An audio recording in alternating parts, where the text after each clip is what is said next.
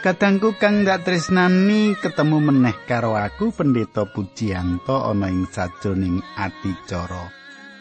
Margi utami adicara kang dadi krangenan panjenengan. Kepiye kabare panjenengan kadangku? Apa panjenengan tansah pinayungan dening Gusti Allah? Apa panjenengan bagas waras? Apa panjenengan saiki nuju ringkih, nuju semplah? Aku suwan karo panjenengan iki saperlu bakal nguatake panjenengan kegandingan karo anggonku ngajak jenengan tak derekake nyemak dawuh-dawuh pangandikan Gusti kita bisa sinau saka ing pangandikan kuwi.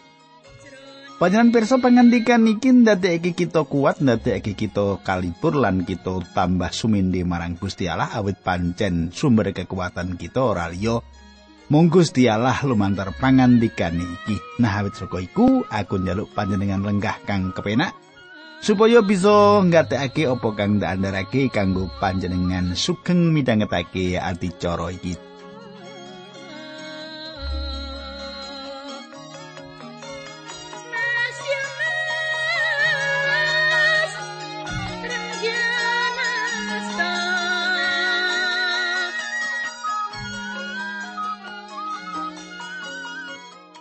Katengku kang dak tresnani kepiye apa panjenengan kelingan apa sing dak aturake nalika patemon kita kepungkur kae? Panjenengan jek kelingan ora? Ya, mesine panjenengan isi kelingan toh. Nanging becike tak andharake sithik wae supaya mancing panjenengan kelingan apa-apa kang ndak andharake nalika patemon kita kepungkur. Ing patemon kita kepuhur kadangku, kita wis nyemak kepiye Yepta duwe nasar marang Gusti lan dheweke tetep netepi nasare. Senadyan ana siji-sijine kang dadi bayarane, nasar iku mau yepanjure perkara iku bakal dibukake ing sajroning kitab Para Hakim iki meneh. Nah, kadangku ayo tak derekake nang sadurunge iki ayo kita ndedonga bebarengan. Duh Kanjeng Rama ingkang adhedhampar wonten kraton ing kasuwargan ingkang kawula sambat sebuti wonten ing asmanipun Gusti kawula Yesus Kristus. Kawula ngaturaken kuing panuwun dene wekdal menika kawula saged sesarengan saged tetunggilan kalian sedherek kawula lan kawula pasrahaken. Adicara menika wonten tuntunanipun paduka linambaran asmanipun Gusti kawula Yesus Kristus kawula tetunggal haleluya. Amin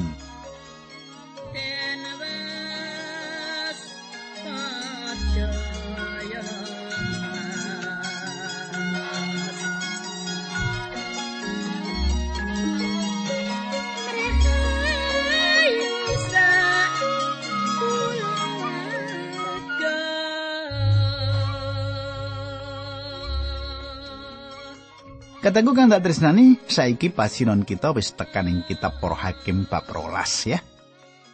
Eh, ora kerasa kita wis tekan kitab Para Hakim bab rolas. Mengene surasani ayat siji loro telu tak wacake ing basa pedinan. Ing wektu kuwi talar Efraim toto-toto arep perang banjur mangkat nyebrang kali Yarden menyang Safon kandhane karo Yepta Yogene. Yo kene kowe merangi bangsamen kok ora ngajak aku. Saiki kowe lan saisine omahmu arep tak obong. Pangsulane Yepta. Wong Amon lan aku wong Gilead padha kerengan. Kowe wis padha ndak undang. Ndak kon ngrewangi aku nanging kowe padha ora teko. Dadi bareng aku ngerti yen kowe padha ora gelem ngrewangi aku, aku banjur tekad-tekatan nyerang wong Amon. Lan pangeran maringi kemenangan, yo gini saiki kowe mrene arep menyerang aku. Katanggu. Kita wis nyemak talar Efraim uga padu karo Gideon. Nalika Gideon ora ngulemi talar iki kanggo nulungi nundung wong Midian. Saiki talar Efraim iki nuntut marang Yipta supaya Yipta menehi marang wong-wong mau kenapa? Yipta ora njaluk pitulungan marang talar iki ing sadroning peperangan.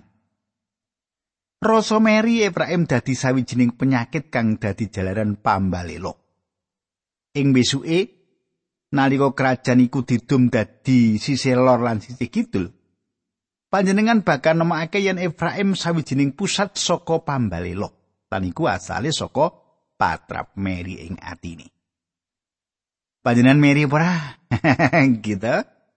Kala-kala wonten ing gesang kita ana ing urip kita iki ana rasa meri eh lah kok kae kok duwe ngono aku tek ora ya kadangku wiwitane wong bali lo wong membruntak iku nek ing atine duwe rasa meri ngono lho ya Dadi panjenengan tak jaluk supaya ora ndirasa meri nek gereja panjenengan ana wong kang gayane meri gereja mau bakal kisruh.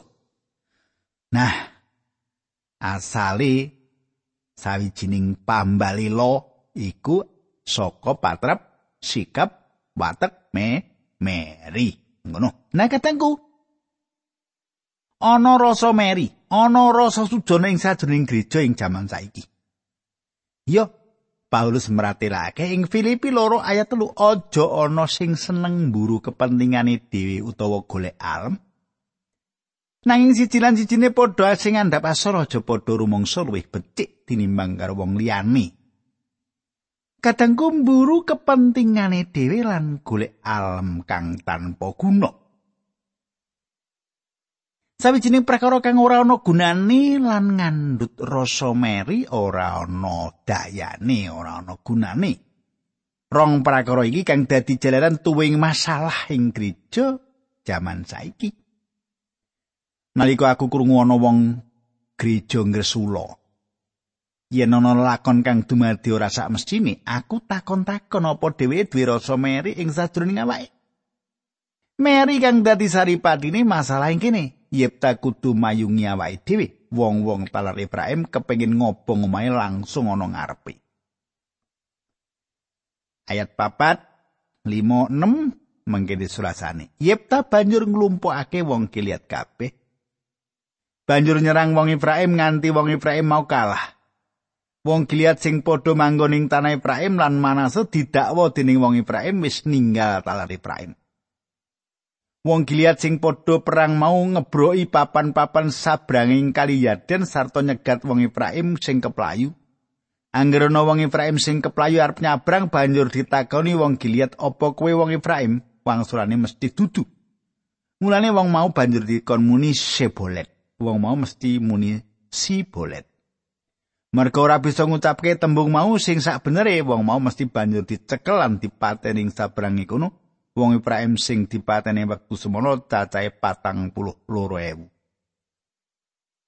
Kadangku kang datresnani wong Gilead kasil ngalahake wong Ibrahim lan wong-wong mau ngrebut papan nyabrang ing Kali Yordan kanthi mengkono wong Ibrahim ora bisa melayu. Sebanjure wong Gilead milih tembung kang angel diucapake dening wong Ibrahim awit tembung kuwi ora ana ing basane wong Ibrahim. Tembung kuwi ya kuwi sibolet. Menawa carane ngucapake wong ora bener nalika ngucapake basa kuwi kangelan, mula wong kuwi ana ing sajroning kangelan. Sibolet ya iku sawijining tembung kang angel diucapake dening wong Ibrahim awit wong Ibrahim ora bisa nglebokake tembung y ing tengah-tengahe tembung kuwi. Saiki ayat pitu. Yepta nggone mimpin wong Israel 6 taun. Banjur tinggal donya lan dikubur ing desane ing tanah Gilead. Kadangku Yepta merintah dadi hakim lawase 6 taun lan sakwise kuwi dheweke mati. Sebanjure katelu hakim sebanjure kang disebutake sak benere ora ana apa-apane. Para hakim mau nindakake sawijining prakara nanging para hakim mau ora ngadili Israel dikaya kang kudune. Saiki ayat 8 lan 9 bab rolas tak waca tekan 10 wae. Sakpungkure Yipta umat Israel dipimpin dening Epsan saka Bethlehem. Epsan duwe anak lanang telung puluh lan anak wadon telung puluh. Anak-anake wadon dijodohake karo wong lanang saka taler liya, kosok baline dheweke njupuk perawan saka taler liya, dijodohake karo anak-anake lanang Ibsan nggone mimpin Israel lawase pitung taun banjur tinggal donya lan dikubur ing Bethlehem. Katanggu kang dak tresnani hakim iki asali saka Bethlehem. Bethlehem iku salah siji saka kutha-kutha Yehuda ing sisih kidul. Epsam duwe telung puluh anak lanang lan telung puluh anak wadon, Ihsan uga ora duwe wektu dadi hakim kanggo bangsa Israel. Ihsan yaiku wong kang luwih mentingake keluargane tinimbang bangsane. Iku ora luput. Ora luput to. Nanging iku dudu kang dadi timbalane. Timbalane ora ngurusi keluargane. Timbalane ora ngurusi awake dhewe. Ora luput pancen nanging patrap mengkono kuwi dudu timbalane akeh wong kang ngandhakake bab tanggung jawab nanging iku mung teori wae. Saya kita terus ke maca bab 12 ayat 11 teko 15 ya. Para hakim 12 bab 11 teko 15. Mengkene surat sani. Sakpungkure Epsan umat Israel dipimpin dening Elon saka talar suwene 10 tahun.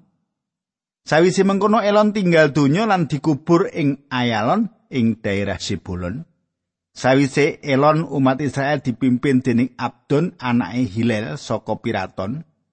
anake lanang patang puluh putune lanang telung puluh anak-anak lan putu-putune mau padha duwe kul ditunggangan dewi-dewi Abdon dadi pemimpin umat Israel suwene wolung taun. Abdon banjur tinggal donya lan dikubur ing Piraton ing wilayah Efraim ya kuwi daerah pegunungan wong Amalek.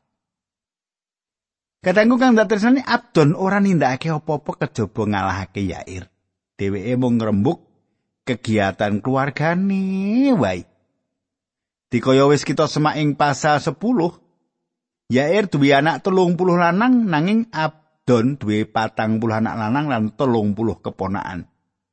Kita kan cepet wis nglewati telu hakim pungkasan, Ibsan, Elon lan Abdon.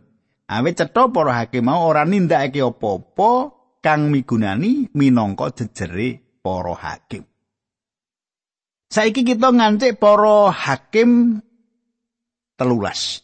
Ya, kitab para hakim bab telulas. Ayat siji. Wong Israel padha gawe dosa menah ing ngarsane Allah. Mulane ditegakake dijajah dening wong Filistin suwene patang puluh tahun. Kadangku, murtate bangsa Israel terus bali meneh iki kang dadi jalaran kejajah meneh dening wong Filistin. Angger murtad ana bangsa sing jajah. Wong Filistin bisa uga mungsuh kang paling ala kanggone bangsa Israel. Anggone bangsa Israel ketindes lawasi patang puluh tahun. Ing jaman iki, jaman saiki, kita tekan sawijining hakim kang ora bisa kita lewati jenenge yaiku Simpson. Lan dhewe iku salah siji hakim kang paling unggul. Dheweke bisa uga kang duwe wewengan luwih ngedapi-dapi tinimbang sapa wae. Apa wae banget dening nyenengake kanggo sawijining karir lan masa depan banget dening gilang-gilang nanging dheweke gagal. Gagal. Iku sawijining lelakon kang nyedhihake saka panguripane manungsa. Simpson teko kanggo dadi hakim ing jaman kemurtatan, hakim kang kaping pitu lan iki ateges hakim kang pungkasan. Israel direbut dening bangsa Filistin lan mung dibebasake sak perangan dening Simpson. Perang sedulur cilik-cilikan kang diwiwiti wiwit jaman Yepta dadi tambah gedhe lan kitab Para Hakim rampung kanthi kahanan kang bener-bener isruh. Jaman kepemimpinan Simpson marang kita diceritakake wadi saka anggone kaset, wadi saka kekuatane lan wadi saka kegagalane. Ayat loro. Ing wektu kuwi ana wong lanang saka desa Sora jenenge Manoah saka Talardan bojone ora duwe anak. Katangku Sora yaiku sawijining kutha kang mapan ing antarane Dan lan Yehuda sawetara kilometer arah kulon Yerusalem. Manoah lan bojone ora duwe anak awit bojone gabuk. Dadine kelahiran Simpson gumunake banget awit kaya kelahirane Iska utawa Yusuf utawa Benyamin. Ayat telu papat limo. Mengkini surat sani. Bab telulas kitab por hakim. Ing sawijining dina wong wadon mau dirawuhi malaikating pangeran sarta dingendikane mengkene. Tekan saiki kowe ora duwe anak, nanging ora suwe meneh kowe bakal ngandut lan duwe anak lanang. Mulane kowe kudu ngati-ati aja ngombe anggur utawa omben-omben sing ngendemi utawa mangan panganan sing karam. Sebab bayi sing kok kandut kuwi bakal dadi nasir. Mula sawise bayine lair, rambuté aja kok cukur, bocah kuwi besok bakal ngluwari wong Israel saka penjajahi wong Filistin. Katengku sadurunge Simpson dilahirake Gusti Allah maringi tondo. Sadurunge dilairake Gusti Allah maringi tondo, Gusti Allah nimbali dheweke supaya nindakake sawijining tugas gedhe. Simpson kudu mbebasake Israel. Bangsa Israel ing sadroning kahanan mrehatinake awit Gusti Allah wis masrahake bangsa iki menyang tangane wong Filistin. Malaikate pangeran kang ngatonake marang ibu Simpson ngandani bakal kaya apa anake iku wong kang nasir. Panjenengan isi kelingan yen kita bali ing sadurunging kitab bilangan marang kita diceritakake apa kang dadi nasar wong kang dadi nasir. Nasar iku kaperang dadi telung prakara, siji wong nasir ora kena inuman keras utawa mangan anggur digawe apa wae. Kenapa? Awit anggur ing kitab suci sawijining lambang saka kanikmatane kadonyan. Anggur digunakake kanggo nyenengake ati. Wong kang dadi nasir Gusti Allah kudu nampani kabungahane ing sadroning Gusti. Coba to. Panjenengan sama Efesus 5 ayat 13. Meratelake mengkini. Aja padha seneng mendem minuman keras, kuwi mung bakal ngrusak uripmu. Aluwung padha penuh ing roh suci. Katengku menawa kita kepengin urip dadi keparengi Sang Kristus. Kita uga kudu golek kabungan ing sadroning panjenengani. Sak beneri kabungan sawijining salah siji saka woh Sang Roh Suci. Dene wae panuntune Sang Roh Suci kuwi katresnan. Kabungahan, katentreman, sabar, sareh, sumlondo, kabecikan, setya andhap asor nguasani awake dhewe ora ana angger-angger sing nglawan perkara-perkara sing mengkono mau panjenengan iso maca Galatia 5 ayat 23 nganti 23 Kabungan sawijining salah siji saka woh Sang Roh Suci kang kepengin ngatonake badane ing sajroning panguripan panjenengan lan aku. Sepanjure loro wong kang dadi nasir ora kena nyukur rambuté. Dadi iki apa tegese? Ing sadurunge siji Korintus 11 ayat 14 Paulus meratelake manut alame wae rak wis ketara. Yen wong lanang ngingu rambut dawa kuwi ngasorake derajate dewi. Kitab suci ngendikake yen rambut dawa ora ngajeni wong lanang. Nanging wong kang dadi nasir bakarilo nanggung isin kanthi duwe rambut dawa lan yaiku sebab lading kanggo nyukur ora kena nyinggol kulit sirai.